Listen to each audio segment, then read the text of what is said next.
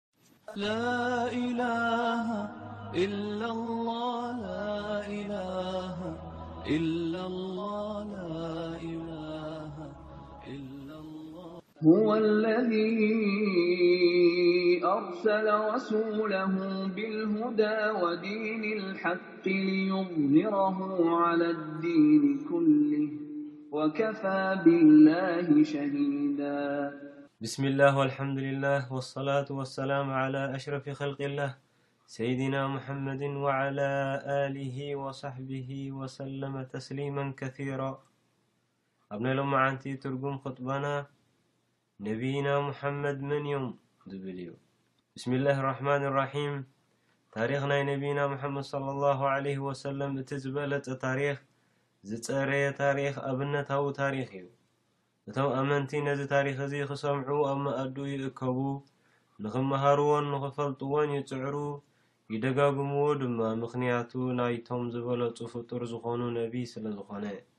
ንፍቶቶም ረቢ ዝኣዘዘ፣ ኣሰሮም ክንስዕብ ኣብ ቁርኣን ዝተሓበረ፣ ብሱና ናቶም ክንምራሕ ካብ ሰማይ ዝተኣወጀ ነብዪ ስለ ዝዀኑ። ረቢ ስብሓነሁ ወተዓላ ኣብ ቁርኣን ኣብ ሱረት ኣልኣሕዛብ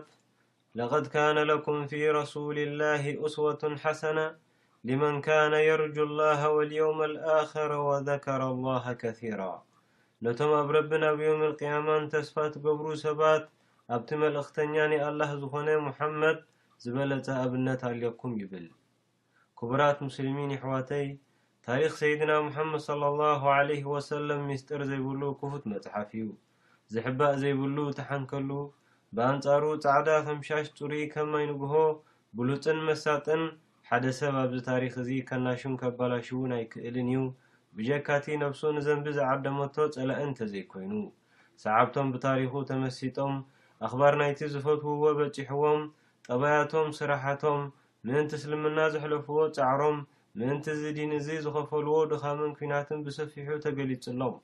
ሚሕር ተገዳስነቶም ኣብዞም ክቡር ነቢይ፣ ወለዶኦም፣ ደቆም፣ ጠባያቶም ምስ ደቂ ሰባት ዝነበሮም ኣካይዳን ስነ-ስርዓቶምን፣ ካብዚ ሓሊፉ ብደቂቕ ክሳብ መወጾም ተወጢሖማ ዝኸዱ ዝነበሩ ገመሎም ካብቲ ዝገርምን ዘደንጹን ከኣ ኣብ ጭሕሞም ክንደይ ዝኣክል ሲበት ነይርዎም ከይተረፈ ብደቂቕ ተገዲሶም ሰኒዶሙልና ሰላዋቱ ረቢ ወሰላሙሁ ዓለይህ። ዘጋጠመ ኩሉ ዓቢ ይኹን ንእሽተይ ዝተዛረቡዋ ዘረባን ብኣካል ዘተግበሩዋ ስራሕን ብጥንቃቕን ብተገዳስነትን የሕሊፎሙልና። ንምንታይ? ምኽንያቱ ነቲ ረቢብ ቁርኣን ዘኪሩዎ ዘሎ ሓቂ ክዉን ክኸውን ምእንቲ። ወረፋዕና ለከ ዚክረክ ስምካ ሓፍ ኣቢልናዮ ኢና ኢሉዎም።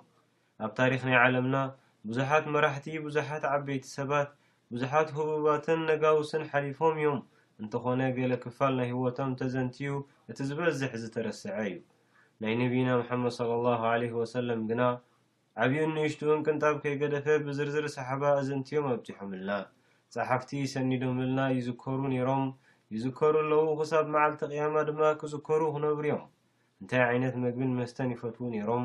ከመይ ገይሮም ይሕጸቡ ነይሮም? ውደኦምን ተየሙሞምን እንታይ ይመስል?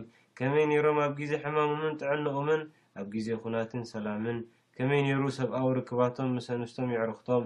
ብኸመይ ይካየዱ ነይሮም ምስ ጎረባብቶም ጸላእቶም? ብኸመይ እስላማዊት ሃገር የመሓድሩን የካይዱን ነይሮም? ምስ ነጋውስ እንታይ ዓይነት ደብዳቤታትን ድፕሎማስያዊ ርክባትን ይገብሩ ነይሮም ኩሉ ብዝርዝር ተመዝጊቡ። ረሱል ሰለሏሁ ዓለይሂ ወሰለም ሰብ እዮም ኔሮም ዘይከም ካልእ ሰብ ብወሕይ ዝተደገፉ ነቢ እዮም ኔሮም ተግባራቶምን ስርሖምን ኩሉ ንኣብነት ዘረብኦምን ማዕዶኦምን ድማ ኩሉ ንትምህርቲ እዩ ዝኸበርኩም ሙእሚኒን ታሪኽ ናይ ረሱል ሰለሏሁ ዓለይሂ ወሰለም ናይ ግድን ክፍለጥ ዘለዎ ታሪኽ እዩ እንታይ እዩ መለለዪ ናይ ነቢ ከመይ ኔሩ ኩነታት ናይ ነቢ ምፍላጥ ነቲ ዘለካ ፍቶትን ፍቕርን ናይ ረሱል ብዝያዳ ንኽውስኽ፣ እዞም ነብይ እዚኦም ናትካ ምዃኖም ዝያዳ ንኽትኮርዕ፣ ልብኻ ብዕጽፊ ናብኦም ክንጠልጠል፣ ክብረትካን ዋሕስካን ምዃኖም ክትርዳእ፣ ክብረት ኣቦኻን ኣዴኻን ምዃኖም ክትግንዘብ ዝሕግዝ ስለዝኾነ። ወላሂ ንሶም እንተዘይነብሩ ኔሮም ኣብ ድቕድቕ ጸልማት ምነበርና፣ ብዘይኮኦም ኣብ ሃው ዝበለ ጥፍኣት ምተዓዘርና ብዘይ ብኦኦም ኼር ካብ ሸር ሓቂ ካብ ሓሶት ቅኑዕ ካብ ጌጋ ክንፈሊ ኣይምኸኣልናን ኔርና ግን ኣልሓምድሊላህ ሳልኦም ብርሃን ረኺብና ሳልኦም ነቲ ሓቀኛ ረብና ፈሊጥና ሳልኦም ካብ ጥፍኣትን ጸልማትን ተገላጊልና ሰላዋቱ ረቢ ወሰላሙሁ ዓለይህ ረቢ ስብሓነሁ ወተዓላ ንነቢይና ሙሓመድ ብርሃን ከምዝኾኑ እቲ ሒዞሞ ዝመጹ ቁርኣን ድማ ንጹርን ብሩህን ምዃኑ ክገልጽ እንከሎ ቐድ ጃኣኩም ሚነላሂ ኑሩን ወኪታቡን ሙቢን ኢሉ። ክቡራት ሙስሊሚን፣ ቀጺሉ ዝስዕብ ሕቶ ብኸመይ ነዚ ኩብር ታሪኽ እዚ ክንመሃሮ ኣለና ዝብል፣ ብኸመይ ኣንቢብና ብትሕዝትኡ ንጥቀመሉ ዝብል ሕቶ እዩ። እቲ መልሲ እምበኣር፣ እቲ ቐንዲ ምንጪ ታሪኽ ናይ ረሱል ቁርኣን እዩ።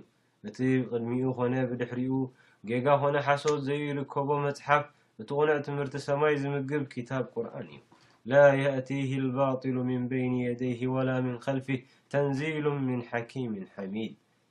ረቢ ስብሓነሁ ወተዓላ ልቦም ከፊቱ፣ ስሞም ሓፍ ኣቢሉ፣ ኩሉ ዘንቦም ናይ ዝሓለፈን ናይ ዘመጽእን ዝሓጸበሎም፣ ልቦም ቀጥ ኣቢሉ ብሓቂ ደው ከም ዘበሎም፣ ዳዕዋ ምስ ጀመሩ ዘጋጠሞም ፈተነታት፣ ቑረይሽ ናይ መካ ክጻብእዎም፣ ብሓሶት ክጥቅንዎም ክብድልዎምን ከካላባትዎምን መቦቆል ዓዶም ገዲፎም ናብ መዲና ክሃጅሩ እንከለዉ ኣንጻር ሙሽሪኪን ዝተሳተፍዎ ከቢድ ናይ ኲናት ፍጻሜታት ከም በዓል በድር ኡሑድን ኣሕዛብን ታሪኽ ናይቶም ሙናፊቂንን ብኸመይ ምስኦም ይካየዱ ከምዝነበሩን እዚ ኩሉን ካልእን ኣብ ቁርኣን ኢና ንረኽቦ። ኣንታ ታሪኽ ሲራ ናይ ነብይና ሙሓመድ ክትፈልጥ ትደሊ ሓደራኻ ብቁርኣን ቅርኣዮ ትርጉሙ ተምሃሮ ትሕዝትኡ ተረድኣዮ መልእኽቱ ወሓጦ ቁርኣን ዝቅረኣሉ ቦታ ምኻድ ኣዘውትር ምእንቲ ምስ ነብይካ ክትፋለጥን ታሪኹ ክትሓፍዝን ብድሕሪ ቁርኣን እቲ ድሒሩ ዝመጽእ መወከሲ ሱና ወይ ቁኑዕ ሓዲስ ናይ ረሱል ሰለሏሁ ዓለይሂ ወሰለም እዩ ብዙሕ ክፋላት ዝሓዘ ሰነዳት ናይ ሲራ ክንውከስ ይግብኣና መጻሕፍቲ ናይ ሱና ብሰፊሑ ተኣምራት ናይ ረሱል፣ ጠባያቶም፣ መዓልታዊ ፍጻሜታቶም ብዝርዝር ንረኽቦ። ብድሕሪ'ዚ ኪታብ ናይ ሲራ ምጽናዕ ይከኣል። ከምቲ ኩላትና ንፈልጦ ከምቲ ረቢ'ውን ኣብ ቁርኣን ዘረጋገጾ ንኹሉ ነቢይ ጸላኢ ኣለዎ። ጽልኦም ዝገንፈሎም ሰባት ከም ዘለዉ ጸቢቕና ንፈልጥ። ንሳቶም ንሓቂ ጠምዚዞም ንጻዕዳ ጸሊም ኢሎም ነብሶም ብዝኣዘዘቶም ዊንታኦም ብዝመርሕኦም፣ ነቲ ታሪኽ ክብውዙ ጽዒሮም፣ ሓንጎል ሰብ ክሓጽቡ ተበጊሶም ንኣማኒ ከጠራጥሩ ዓጢቖም፣ ንሰብ ኣብ ሓቂ ከይጸንዕ ዕንቅፋት ኮይኖም ንሓቂ ክብክሉ ከይደቀሱ ሓዲሮም። እቲ ዘሐጉስ ግን ረቢ ስብሓነሁ ወተዓላ ንረሱል ኣብ ቁርኣን ከምዚ ክብል ቃል ኣትዩሎም፣ ወላሁ የዕሲሙከ ሚነናስ ረቢ ባዕሉ ካብ ሰባት ክሕልወካ እዩ። እዚ ሓለዋ እዚ ኣልሓምዱሊላህ ክሳብ ሕጅን ንብድሕሪ ሕጅን ጸኒዑ ዝቕጽል መብጽዓ ናይ ረቢ'ዩ። ካብቶም ዝኸሓዱ ነዞም ክቡር ነቢይና ሙሓመድ ክብድሉ ኣብ ዝተፈላለየ ግዜ ቐለሞም ኣልዒሎም ጽሒፎም ብድፍረት ስኢሎምን ጸሪፎምን። ቅድሚ ሸውዓተ ዓመት ኣቢሉ ይኸውን ከምዚ ዓይነት ነገር ምስ ኣጋጠመ እቶም ብፍቕሪ ናይ ረሱል ሰለሏሁ ዓለይሂ ወሰለም ልቦም ዝነደደ ሙስሊሚን ናይ ዓለም ተቖጢዖም ሰለማዊ ሰልፊ ክገብሩ ናብ ጎደናታት ወጺኦም ነቲ ተግባር ድማ ብትሪ ኮኒኖም። ኣብ ሓደ እዋን ውን መራሒ ቫቲካን ብዛዕባ ረሱል ሰለሏሁ ዓለይሂ ወሰለም ኣመልኪቱ ሙሓመድ ብሰላም ዘይኮነ ብሴፍን ንምፍሳስ ደምን ዩ መጺኡ ምስ በለ ግቡእ መልሲ ተዋሂቡዎ። ጸላእቲ ናይ እስልምና ጽልኦም ቅርሕንቶምን ውዲቶምን ከገንፍሉ ጸኒሖምን ኣለዉ። ነዚ ኣመልኪቱ ረቢ ስብሓነሁ ወተዓላ፣ ቀድ በደት ልበቕዷኡ ምን ኣፍዋህህም ወማ ቱኽፊ ሱዱሩሁም ኣክበር ቀድ በየና ለኩም ልኣያት እን ኩንቱም ተዕቂሉን ድሮ ካብ ኣፎም ጽልኦም ኣፍሊጦም ኣለዉ ልቦም ዝዓቖሮ ግን ዝዓበየን ዝገደደን እዩ ይብል። ኣብ ዝሓለፈ ውሑዳት ሰሙናት፣ ሰራሕተኛታት ናይ ሓደ ማዕከን መጽሔት ዝኾና ኣብ ፈረንሳ ተቐቲሎም። እታ መጽሔት ብቐጻሊ ኮነ ኢላ ንነብይና ሙሓመድ ሰለላሁ ዓለይሂ ወሰለም ዘነኣእስን ዘጸልምን ናይ ካሪካቴር ስእሊ ተውጽእ ዝነበረት እያ። እዚ ነገር ምስ ኣጋጠመ ዓለም ብዓለማ ተነቕኒቓ። መራሕቲ ብዙሓት ሃገራት ዝተሳተፍኦ ሰልፊ ተኻይዱ፣ ፖለቲከኛታትን መራሕቲ ሃይማኖትን ተኸፊለንኦ። እዚ ኩሉ ሸበድበድ ሓሳብካ ብነጻ ምግላጽ ክትንከፍ ዘይብሉ ክብሪ'ዩ ንምባልን፣ ዝደለዮ ሰብ ዝደለዮ ክዛረብ ናጽነት ኣለዎ ዝብል ጻውዒት ንምምሕልላፍን እዩ ነይሩ። እንተኾነ፣ እዛ መጽሔት እዚኣ፣ ኣብ ዝተፈላለየ ግዜ ብዛዕባ ፍሉጣት ፈረንሳውያን ዘቃልዕ ትሕዝቶ ዘለዎ ምስ ዘርግሐት፣ ሓደ ግዜ ንኽትዕጾ ጻውዒት ቀሪቡ። ኣብ ካልእ ግዜ ድማ ብዛዕባ መንነት መራሒ ፈረንሳ ነበርን ሓቀኛ መበቆሉ ካበይ ምዃኑን ምስ ጸሓፈት፣ ሰልፊ ወጺኦም ብወግዒ ይቕሬታ ክትሓትት ኣገዲዶማ። ነብይና መሓመድ ሰለላሁ ዓለይሂ ወሰለም ምስ ተጸርፉ ግና፣ መሰል ሓሳብካ ምግላጽ እንድዩ ተባሂሉ ተዘሪብሉ። ንየሁድን ንዕኦም ዝትንክፍን ተተጻሒፉን ተሳኢሉን ግና ኣይፍቀድን ጥራይ ዘይኮነ፣ ዘይትንከፍ ዓሌትነት ተንኪፍካ ንስኻ ዓሌታዊ ኢኻ ተባሂልካ ትግረፍ፣ እቕሬታ እንተዘይሓቲትካ ካብ ስራሕ ትባረር። ክብሪ ሃይማኖትን ክብሪ እስልምናን ክትንከፍ እንከሎ ግና ኣይግድን። ኣበይ ኣሎ ደኣ እቲ ፍትሒ? ንሶም ዘይደልይዎ ክትንከፍ እንከሎ ደረት ይገበረሉ ይብሉ፣ እቲ ንሶም ዝጸልእዎ ክትንከፍ እንከሎ ግና የተባብዕዎን ይከናኸኑሉን። ምስዚ ኩሉ ጥልን ቅርሕንትን ግና እስልምና ከም ሮማዲ የስፋሕፍሕ፣ ሰዓብቱ ይበዝሑን ይዓብዩን እዮም ዘለዉ። ከምቲ ብርሃን ንጸላም ሰንጢቑ ዝጎልሕ እስልምና ድማ ይጎልሕን ይኹላዕን እዩ ዘሎ። ብዙሓት ሰባት መን እዩ እዚ ሙሓመድ ዝበሃል ሰለሏሁ ዓለይሂ ወሰለም፣ ስለምንታይከ ክንድዚ ፍቶትን ፍቕርን ብሰዓብቱ፣ ከመይ ስለዝኾነ ኢሎም ታሪኹ ምስ ኣንበቡ ልቦም ተመሲጡ ባህርያቱ፣ ተግባሩን ስነ ስርዓቱን፣ መሪሕነቱን ፍትሑን ሓቅነቱን ነብይነቱን ምስ ፈራህሎም፣ ልቦም ተማሪኹ ንእስልምና ኢዶም ሂቦም እስልምና ክኸውን መንገዶም መሪጾም።